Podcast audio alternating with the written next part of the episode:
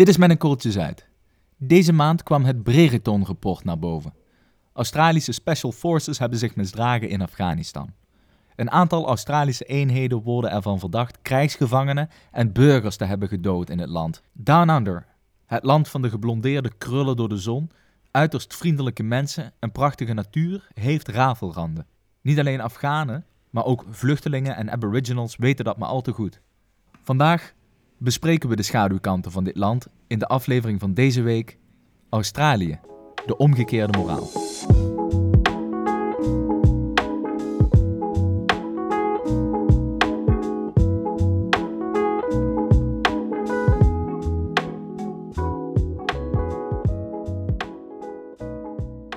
To the people of Afghanistan, on behalf of the Australian Defence Force, I sincerely and unreservedly apologise for any wrongdoing by Australian soldiers.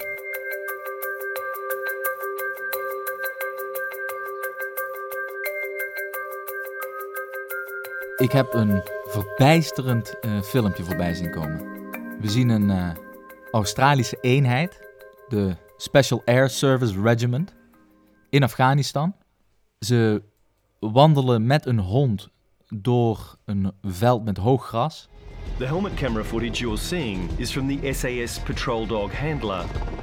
And what you will see next could result in charges of war crimes.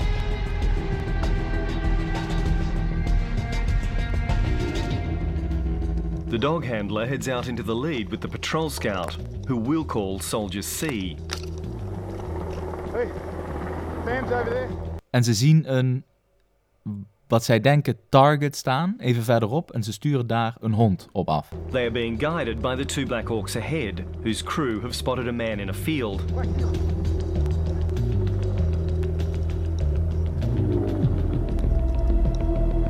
The dog, named Quake, is then let off the leash. Hey, come! Listen to Bonica! Quiet down! The dog handler's gun is trained on a figure in the distance who drops down into the field. Die hond haalt die man in. Het blijkt een man te zijn, een jongen. En op het moment dat die soldaten van die Special Force dichterbij komen, heeft hij zich onbewapend weliswaar al op de grond gelegd. At the field, the dog handler and Soldier C come across a young man amongst the wheat who's trying to fight off Quake. Quick! Leave! Quick! In the man's hand appears to be a set of red prayer beads. No weapon or radio can be seen. The Afghan is compliant and quiet on the ground. Down. En vervolgens komt een van die soldaten dichterbij, richt vanaf een meter, anderhalve meter, zijn machinegeweer op hem en vraagt in een furieuze bui of hij die jongen neer moet schieten. As the dog is called off, Soldier C trains his weapon on the Afghan from very close range. He then turns to the dog handler. Eigenlijk zonder dat hij antwoord krijgt van zijn meerdere, want dat is degene aan wie hij het vraagt, aan wie hij het vraagt schiet hij drie kogels, twee in de borst en één in het hoofd van die jonge man. Quick, no! Quick! Stop! Leave! Dat is wat ze noemen een oorlogsmisdaad. Namelijk, dat is iemand die onbewapend is, waar wa- een- waarschijnlijk een burger, maar absoluut een ongevaarlijke tegenstander, die gevangen genomen zou moeten worden, die wordt dus gedood. Hmm. En dat is gefilmd. En daar, Hmm. eh, en over meerdere misdaden die toevallig die eenheid eh, gepleegd hebben, is deze week een rapport verschenen. Dat is het Brereton-rapport. En daarover gaan wij het in ieder geval in het begin van deze podcast-aflevering eh, hebben. Ja. Ja, ja, ja, ja, wat je ziet in dat filmpje is, is wel echt tekstboek eh, oorlogsmisdaad, als ik het zo, eh, als ik het zo zie. Ja. Mijn maag ging er echt figuurlijk van eh, op zijn kop staan. Ehm, en het blijkt dus inderdaad, wat je zegt, dat dat niet het enige ehm, incident is wat daar heeft plaatsgevonden. Nee, precies. Maar, Dus er zijn meerdere van dit soort, dit soort gebeurtenissen geweest. ja, dus deze, ik zei het al, het Brereton-rapport is deze week verschenen. En daarin ehm, zijn 39 eh, ja, moorden, mogen we dat dus eigenlijk noemen, ehm, aangekaart. In verschillende bronnen, ook veel videomateriaal is daarvan. Ehm, Waarin dus speciale eenheden uit, eh, uit Australië zich hebben misdragen in eh, Afghanistan. Maar die Australiërs zitten daar gewoon omdat eh, ja, Amerika daarna 9-11 eh, natuurlijk in Afghanistan die oorlog is begonnen. En Australië ging mee als coalitiepartner. En natuurlijk, ja, die oorlog is nog steeds eh, gaande.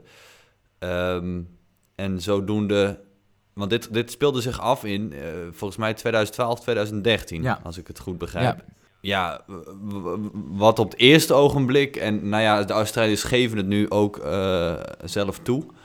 Eh, dit zijn gewoon oorlogsmisdaden. Ja, misdaden tegen de mensheid, zo, zo kun je het omschrijven.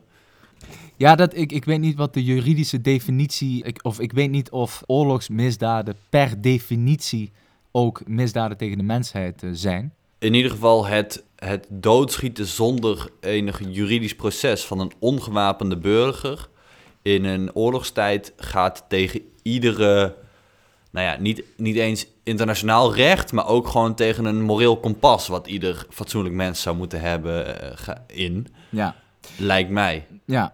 Kijk, het is natuurlijk oorlog. Dus dan geldt vanzelfsprekend dan meteen het oorlogsrecht. En dat is ja, breder natuurlijk. Je mag dan net iets meer dan... eh, eh, ja, sterker nog, eh, je mag net iets meer. Je mag iemand afmaken als het maar een, een, een tegenstander is. Als het maar een soldaat is die bewapend is, Ja. overigens. Hè? En ik snap dat er, hoe ja, vervelend dat ook is, dat er in een oorlog doden vallen die daar niet horen te vallen. Dat is misschien een beetje een rare uitdrukking, maar ik denk dat de mensen wel snappen wat ik bedoel.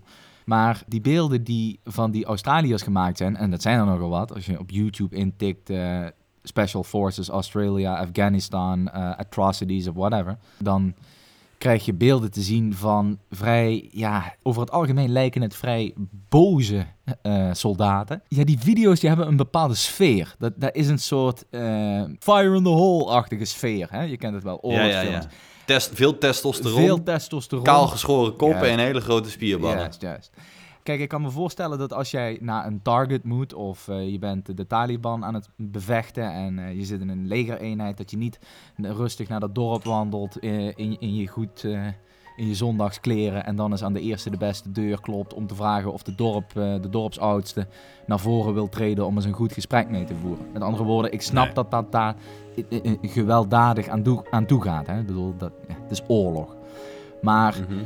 je moet wel proportioneel blijven handelen. En je ziet, daar staan beelden op YouTube, dan denk je, ja, jezus, wat is dit? Ook eh, knallen ze alle dieren af. Dat is heel, heel wazig. Dan lopen natuurlijk nog wel een stel honden en je kent het allemaal wel. Die knallen ze ook eh, meteen af. Ook honden aan Gewoon kettingen. echt sadistisch dus. Ja, ja, ja, ja, dat is het goede woord. Gewoon eh, moordlustig. En Hmm. nu blijkt uit dat rapport, dat Brereton-rapport, dat zich daar voornamelijk twee zaken hebben voorgedaan. Namelijk, dat, is, dat noemen ze dan een, een, een, een throwdown. Dus dan maak je een eh, civilian, dus een burger, die maak je af. Eh, al dan niet per ongeluk. En die geef je dan vervolgens... eh, vervolgens geef je het lijk een wapen in zijn hand om die dan weer op een foto te zetten, zodat de legerleiding, of ik weet niet wie daarover gaat, ervan in de veronderstelling zou moeten zijn dat dat een, geen civiel ehm, doelwit was, maar dat dat dus een soldaat was. Ah, ja. wat ik bedoel? Classic. Dus je schiet iemand neer, geeft Oh, hem een wapen in zijn hand en zegt, ja, ja kijk, nou, dat was, dat was gewoon een, eh, dat was een soldaat. Dat is heel veel Ja, gebeurd. ja. En iets anders is heel veel gebeurd, of heel veel. Hè.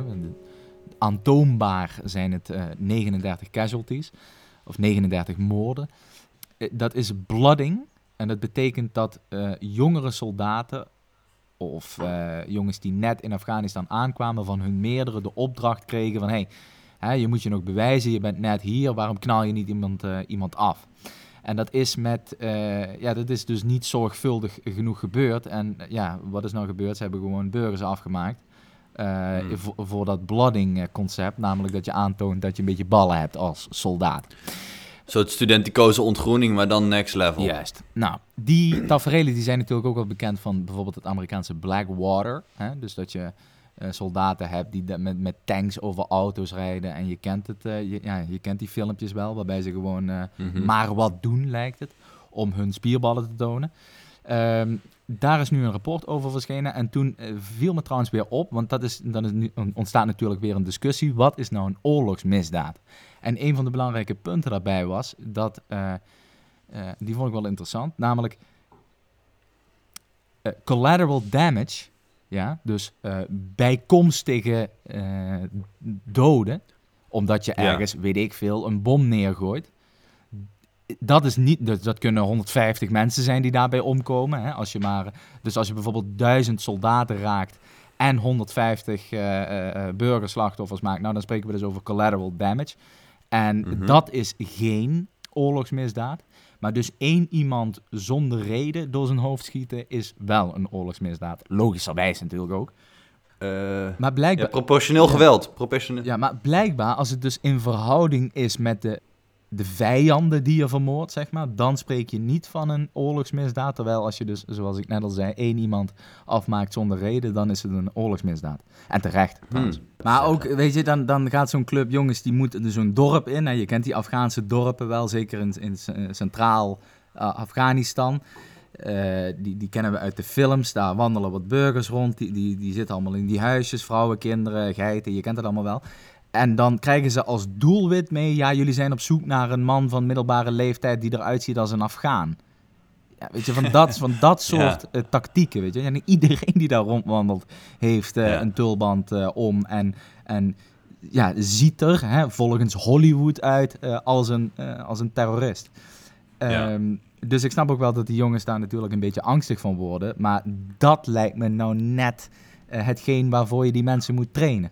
Want ergens een Hmm. granaat naar binnen gooien, dat kan Jeff eh, Waldmans eh, uit Roelevarensveen ook nog. Maar waarom is dit nou? Want ja, dit is aan zich, zou je zeggen, nou, 39 slachtoffers, hoe erg het ook, ook is. En het rapport van die Australiërs. Maar kijk, Australië, dat, daar verwacht je dat helemaal niet van. Je zou zeggen, die Australiërs, die hebben dat allemaal, eh, die hebben dat allemaal lekker gefixt. Je gaat daar lekker, eh, je, je, je, hoe noem je dat? Je, je tussenjaartje doen en dan surf je wat links en rechts, knuffel je met een krokodil, rook je drie joints en dan kom je terug naar huis met een goed gevoel. Punt is alleen, jij hebt daar een tijdje gewoond en ik weet nog dat wij een discussie hadden, of een discussie, het was meer een gesprek, over het feit dat die mannen dus ook zo'n eh, wazig eh, vluchtelingenbeleid hebben. Of dat ze eh, die, die, die, dat, dat racisme daar nog een ding is. En toen dacht ik, ja, mannen, eigenlijk verbaast me dat helemaal niet dat die Australiërs daar zo. dat zijn niet, dat zijn, laten we het zo zeggen. Het voor, kijk, Australiërs zijn natuurlijk niet allemaal racisten of totale idioten. Maar het blijkt maar weer dat ook de Australiërs niet vies zijn van bepaalde gekke trucken. Nee, Australië is, eh, om het heel even kort over één kam te scheren, is gewoon simpelweg het Alabama of het Texas van Engeland. Zo. Het zijn allemaal Britten, Ja. maar ze zijn allemaal redneck. zijn allemaal eh, eh, zo rechts als een gemiddelde Alabama Trump supporter. ja, echt? Ehm, en ja, ik scheer het over een kam. En in de steden zijn ze natuurlijk allemaal super links. Dus Sydney, Melbourne, Brisbane. Dat is allemaal eh, hartstikke liberal en eh, vrijheid, blijheid. Het lijkt het een beetje op de VS dan. Ja, ja. Al hebben ze, ja, het is natuurlijk iets minder mate. Hè. Ze hebben niet zo'n, ze hebben geen Trump aan de top waar, waar echt zo'n cultsfeer omheen hangt. Ehm, maar ehm, ze hebben wel die component van racisme heel diep in hun cultuur zitten. Misschien. Zo, wel even een claim dit hoor. Als Ja, de Australiërs ja, ja. aan het luisteren zijn, dan slag om de arm. Nee, ehm, nee, laten we beginnen met het, eh, ja, het vluchtelingenbeleid. Want dat, is wel, dat, dat speelt eigenlijk nog steeds. En dat wordt ook in Europa veel aangehaald. Ja, het Australische, Ehm, eh, het Australische immigratiemodel. Ja, Door de heer Baudet, ja, die je, hoort, je hoort Baudet eh, er veel over spreken, Wilders, maar ook in Italië, bijvoorbeeld Salvini. Die hebben het vaak over het Australische model. Ja. Nou, wat houdt dat Australische model dan in? Australië is natuurlijk een eiland, zoals eh, we meeste, de meeste mensen wel zullen weten. En hun doel was of is dat eh, iedere vluchtelingenboot die gespot wo- wordt op zee, zal nooit aan land komen in Australië. Dus die eh, wordt onderschept door de marine. En die jongens en meiden op die boot, die worden, nou ja, die worden dan dus door de marine vastgezet. En die worden ehm linea recta naar een detentiecentrum, duizenden kilometers verderop, op een eiland in de, in de Stille Oceaan eh, gezet. En waar is dat? Dat is op het, in het land Nauru. Dat is, dat is gewoon een land. Eh, en daar he- heeft de Australische regering dan een, een, een samenwerkingsverband mee. Daar hebben ze in principe een, een gevangenis gebouwd, een detentiecentrum op dat eiland. En daar worden al die vluchtelingen eh, naartoe gebracht, zodat ze maar niet geen enkele voet aan wal zetten in Australië. Ja. Ehm, Tuvalu, of eh, sorry, eh, ik wilde zeggen Tuvalu, maar dat is nog een van die belachelijk kleine microlanden daar in dat, ja, in, in, in dat gebied. Maar Nauru, dat ligt ook niet, ja, ligt niet naast de deur. Het is, het is geen Texel van Australië, nee. nee het is echt- echt, echt ver weg. ja. Ja. Dus je zit wel geïsoleerd als het ware. Het eerste beste Ja. land is denk ik eh, Papua Nieuw-Guinea. En als je daar eh, verdwaalt, dan krijg je ook een, eh, een, pijl, een pijl in je schouderblad. Dat denk ik ook, ja. ja. Ehm, nou ja, tot dusver lijkt het... ehm, nou ja, zou, kan je overdenken, nou, het is misschien een redelijk immigratiebeleid. Je wil geen immigranten. Een beetje raar voor een land wat trouwens überhaupt opgebouwd is uit immigranten. Zullen we het zo nog over hebben, over hoe die hun oorspronkelijke bewoners hebben behandeld. Maar goed, ehm, ze willen geen illegale immigranten. Eh, dus verschepen ze die allemaal naar een detentiecentrum op een zwaar afgelegen eiland in de Stille Oceaan. Ehm, maar vervolgens ehm, worden ze daar eigenlijk een beetje aan hun lot overgelaten. Ze zitten daar in, een, in, in zo'n strafkamp. Er wordt niks gedaan, niks georganiseerd. Ehm, Eten? het eten is marginaal. De, de hele strafkamp is sowieso extreem marginaal. Achter zonder grenzen heeft het erover, eh, heeft het over een, een detentiecentrum wat gewoon totaal niet voldoet aan enige vorm van menselijkheid. Ehm, in dus in, in, in zo'n extreme mate dat je dus ziet in de afgelopen jaren dat daar dus eh, migranten zaten, dat ehm, kinderen, daar worden dus kinderen vastgehouden, eh suïcidale eh, eh, ge- karaktertrekken vertonen. Je ziet volwassenen die zichzelf uit pure wanhoop in de fik zetten. Overigens gebeurde dat één keer terwijl een VN-vertegenwoordiging kwam kijken hoe het er daar aan toe was. Die man dacht, dit is mijn kans. En, Ik laat de wereld om, zien, om een soort... Ja, om een soort, soort outcry van eh, hoe heftig en hoe ontzettend uitzichtloos die mensen daar zitten. Hij heeft zichzelf in brand gestoken. Mhm. Ehm, ja, dit, dit- dus dit is, dit is, zeg maar, dit stapelt weer op het, eh, het verhaal van wat daar in Afghanistan gebeurde. Dit is een extreem, ik zou zeggen, lugubere en amorele vorm van ehm, het, behandelen van, van mensen. Ja, ik las trouwens, eh, want ik heb daar wel eens een keer, of las, ik, heb, ik, heb, ik zag, moet ik eigenlijk zeggen, eh, dat daar veel Iranezen tussen zitten. Dus Mhm. Ja. voor die Perziërs, en daar reken ik de Afghanen dan ook eh, bij, die hebben toch een, een ambivalente verstandhouding met die mannen down under. Ja, dat, eh, dat kun je wel stellen. Ja. Ehm, Maar jij zei net, en dat, eh, ja, dus, want daar ging het in het beginsel over. Het ging over, eh, ik vertelde dat verhaal van die Afghanen. En toen zei je, ja, maar die Australiërs, die hebben het racisme in de genen zitten. hmm. Met een kleine disclaimer dat je dat misschien niet helemaal 100% meent, maar dat er wel een kern van waarheid in zit. En toen zei je, we zullen het nog over hebben hoe die mensen hun... ehm, eh, en dan denk ik dat je het hebt over de aboriginals. Hoe, je, hoe Ja. mensen de dingen hebben behandeld. Ja. De, de native eh, bevolking van Australië. Mhm. Ja, je, had, je, je hebt dus in Australië de Aboriginals, dat, eh, dat zijn de, de oorspronkelijke bewoners. En ehm, toen de Britten. Eer, kijk, in Australië kwamen eerst de Nederlanders overigens, hè? die hebben het ontdekt. Abel Tasman eh, heeft natuurlijk Tasmanië ontdekt. Ehm, er waren nog een aantal Nederlanders die het, die het, het continent Australië eh, ontdekt hebben. Eh, zo heette het namelijk ook eerst Nieuw-Holland.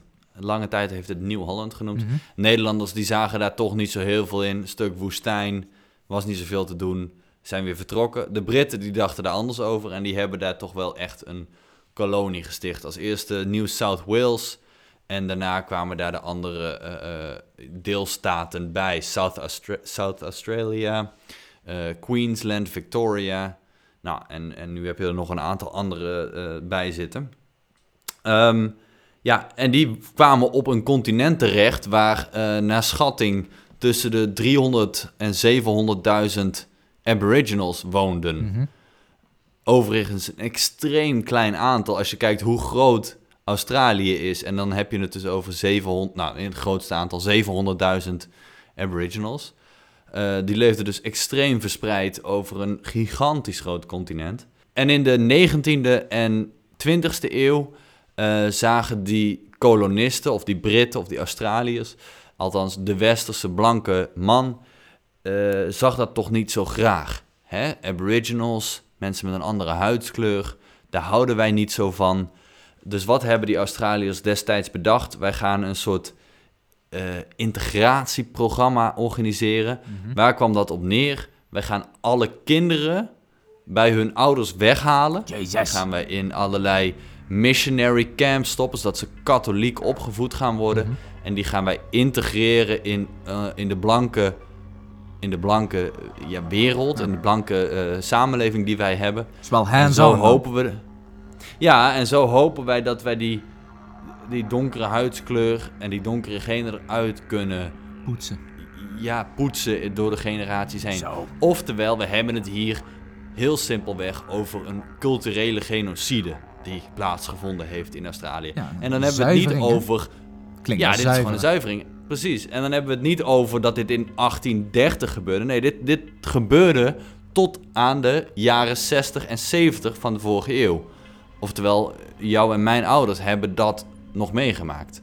Mhm. Ehm, dus zo recent gebeurde dat nog. Maar jij hebt daar, eh, sorry dat ik je in de reden val, maar het wordt een keer tijd natuurlijk. Eh je hebt daar een tijd gezeten. eh, in Mhm. een tankstation. Nee, dat was in Nieuw-Zeeland, sorry. je hebt een tijd in Australië gezeten, maar krijg je dan daar nog iets van mee op, op eh, ja, anek, anek, een soort anekdotische basis? Dat, je, dat iemand naar Ja. je toe komt en zegt. Eh, dit en dat is het geval, zus en zo is het met die aboriginals of zus en zo eh, zit het met eh, iedereen die hier niet welkom is. Want ik neem aan dat je die uitspraak die je net hebt gedaan nog een beetje probeert te staven op wat we Mhm. zouden kunnen interpreteren als bewijs. Ja, ja. Nou, je merkt dat het in Australië sowieso wel een gevoelig topic is, een gevoelig onderwerp. Kijk, de, de meeste mensen, als je naar Australië gaat, dan kom je aan in een stad als Sydney. Hè? Je komt niet aan in Alice Springs in, in, eh, in, de midden van de, in het midden van de woestijn. Eh, dus je komt automatisch in een soort eh, liberaal bolwerk van, van, nou in mijn geval, jonge mensen. Ik, ik, ik ben goed bevriend met een Australiër en die heeft Aboriginal bloed ook in zich. Ehm, dus die was er wel open over. Ehm, alhoewel, ik heb nooit kunnen ontdekken of hij ook, ja, of zijn bloed ook afstamt van, het, hè, eh, van, van deze praktijken. Hè? Dat, eh, de stolen generations, dus het afpakken van kinderen. Maar als je Sydney binnenloopt en je gaat daar een paar dagen rondkijken, dan kan ik je op een briefje geven dat de enige Aboriginals die je gaat zien eh, zijn bij het bekende Opera House en, de, en, die, en die brug.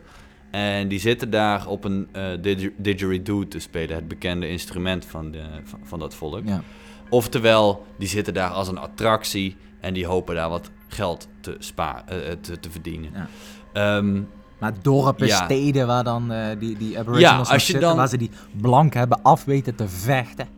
Met nou ja als, je, ja, als je dan het, het, het platteland opgaat en dan moet je wel echt ver, ver weg uit, uit, uit de grote steden gaan. Dus diep in de woestijn, op het, ja, de Outback heet dat. Hè? Als je, dan, moet je dus duizenden kilometers van Sydney verwijderd zijn. Eh, dan, dan, dan, dan, kun je met de auto eh, de Outback inrijden. Kun je van, van het oosten van het land naar het westen rijden. Er is één weg die dwars door het land gaat. En dan kom je natuurlijk eh, een paar dorpjes tegen on- onderweg. En als je die dorpjes inrijdt, dan, dan, dan zie je meteen een heel treurig beeld. Namelijk, eh, het zijn kleine dorpjes waar je op het dorpsplein, dus een soort grasveld vaak. En daar zie je dan een hele groep aboriginals hangen. Meestal eh, onder invloed van alcohol. eh, hangen daar onder bomen, hangen daar op een bankje. Mhm. Zijn eigenlijk niks aan het doen. En als je dan stopt en je gaat de enige winkel van het, het dorpje in, dan zie je achter de kassa en in de winkel werkt een blanke Australiër. Ehm, en dat kan je natuurlijk heel snel afdoen als, nou ja, zie je wel, die blanken werken tenminste. Maar dat is niet zo simpel, want het heeft natuurlijk te maken met een, eh, een volk dat in, in, in, in slechts 100 jaar compleet overrompeld is door een, door een ander volk. Eh, die te maken hebben gehad met die culturele genocide waar ik het net over had. Maar ook die nu te maken krijgen met een soort enorme eh, sorry-cultuur. Dus die aboriginals die krijgen eh, ja, een soort, hoe zeg je dat, bijstand of, of, of, of uitkering van de Australische overheid. Nou ja, en als je dan in een, in een heel klein dorpje in de Outback woont, ja, dan heb je eigenlijk geen kosten. Het bijzondere van aboriginals is ook dat je ziet dat zij die oorspronkelijke cultuur nog echt eh, diep in zich hebben. Eh, zo had ik een eh, vriendin daar destijds en die werkte voor een, een schooltje waar allemaal aboriginals en ab- aboriginal kinderen op zaten. Ehm, en dan gebeurde het regelmatig dat die kinderen op een dag niet meer opkwamen dagen. En die kwamen dan drie weken later wel weer terug. En dan vroeg je, waar ben je, dan, waar ben je nou drie weken naartoe geweest? En dan, dan, dan antwoorden ze met de- dat ze op walkabouts zijn gegaan. En wat is walkabout? Dan zijn ze gewoon met hun opa of hun vader of hun moeder... zijn ze drie weken lang de, de bush ingetrokken... en zijn ze op pad geweest. Drie weken lang. Dat is en dan wel komen ze weer vet. terug. Nou, dat is Ja, ja, ja, goed. dat is heel... Ja. Je, je- een aanrader is gewoon is de film Australia. Die heet gewoon Australia, vrij makkelijk. Ehm, en die laat dat heel mooi zien. Hoe, hoe die cultuur... eh, ja, hoe die cultuur is. Mhm. Ehm, maar je ziet dus nu dat het eigenlijk best wel treurig op een, tot een eind komt. En dat ze dus, dus ja, dronken onder een boom hangen en eigenlijk niet zoveel kunnen. Maar dit heb, jij, eh, dit heb jij gezien zelf, met je eigen ogen. Ja, First hand Ja. experience. Made. ja. Oké. Begrijp ik het goed als ik zeg dat jij het niet zo gek vindt eh, wat er in Afghanistan gebeurt en wat er in Ja. Nauru gebeurt en wat er in Nee, Alice eh, Springs eh, gebeurt als je drie keer om de hoek rijdt? Nee, je ziet dus... Nee, precies. Ik, zou, dat- ik vind het niet per se... Ja, ik vind het nog steeds wel schokkend uit, natuurlijk, hè. Maar ehm, ik werd in Australië... ben ik ook wel eens gewaarschuwd door een blanke Australiër... die zei, je moet oppassen voor de blacks. Want de blacks zijn niet te vertrouwen. Dat soort uitspraken heb ik wel eh, voorbij horen komen. Mhm. Ehm, dus wat dat betreft valt, eh, vind ik het niet... Ja, eh, kan ik het wel plaatsen. Je moet natuurlijk een beetje opletten met hier het hele Australische volk over een kam te scheren. Dat heb je natuurlijk ook niet gedaan omdat je al het verschil hebt gemaakt tussen mensen die in de grote steden wonen. En mensen die daar Nee, maar het is ook niet dat, dat iedereen die in een, in een dorpje woont een racist is en, eh, en, eh, en alle aboriginals af wil maken. Absoluut niet. Mhm. Vaak kom je daar zelfs de, de meest vriendelijke mensen tegen die je ooit in je leven tegen zal komen. Ehm, maar je komt er ook mensen dus tegen die er iets anders over denken. Ja, en dan willen wij het eh, Australische model hebben. Australische immigratiemodel. Overigens, Thierry Baudet die heeft dat altijd van de hoogste daken lopen schreeuwen. Maar laat dat nou net de partijvoorzitter zijn die gisteren is opgestapt. Of ja, niet, als, in ieder geval als fractieleider is opgestapt. En nu de, de, de lijstduo wordt van de FVD. Maar dat zijn bijzaken. Ehm, ik rond af denk ik. Want eh, het begint natuurlijk toch tijd te worden. Mensen moeten door. Ehm, Australië is een fantastisch land, heb ik me altijd door jou laten vertellen. En ik denk dat het dat nog steeds is, ook na deze podcast. Maar hou er rekening mee, dames en heren. Iedereen is in staat om iets gruwelijks te doen. Ook moeder Teresa.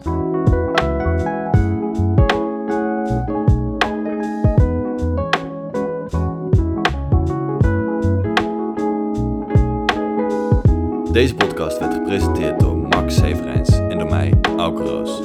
De intromuziek is van Antal van Nie. De cover art is gemaakt door Jules Jansen. En kijk voor meer informatie op korreltjezuid.nl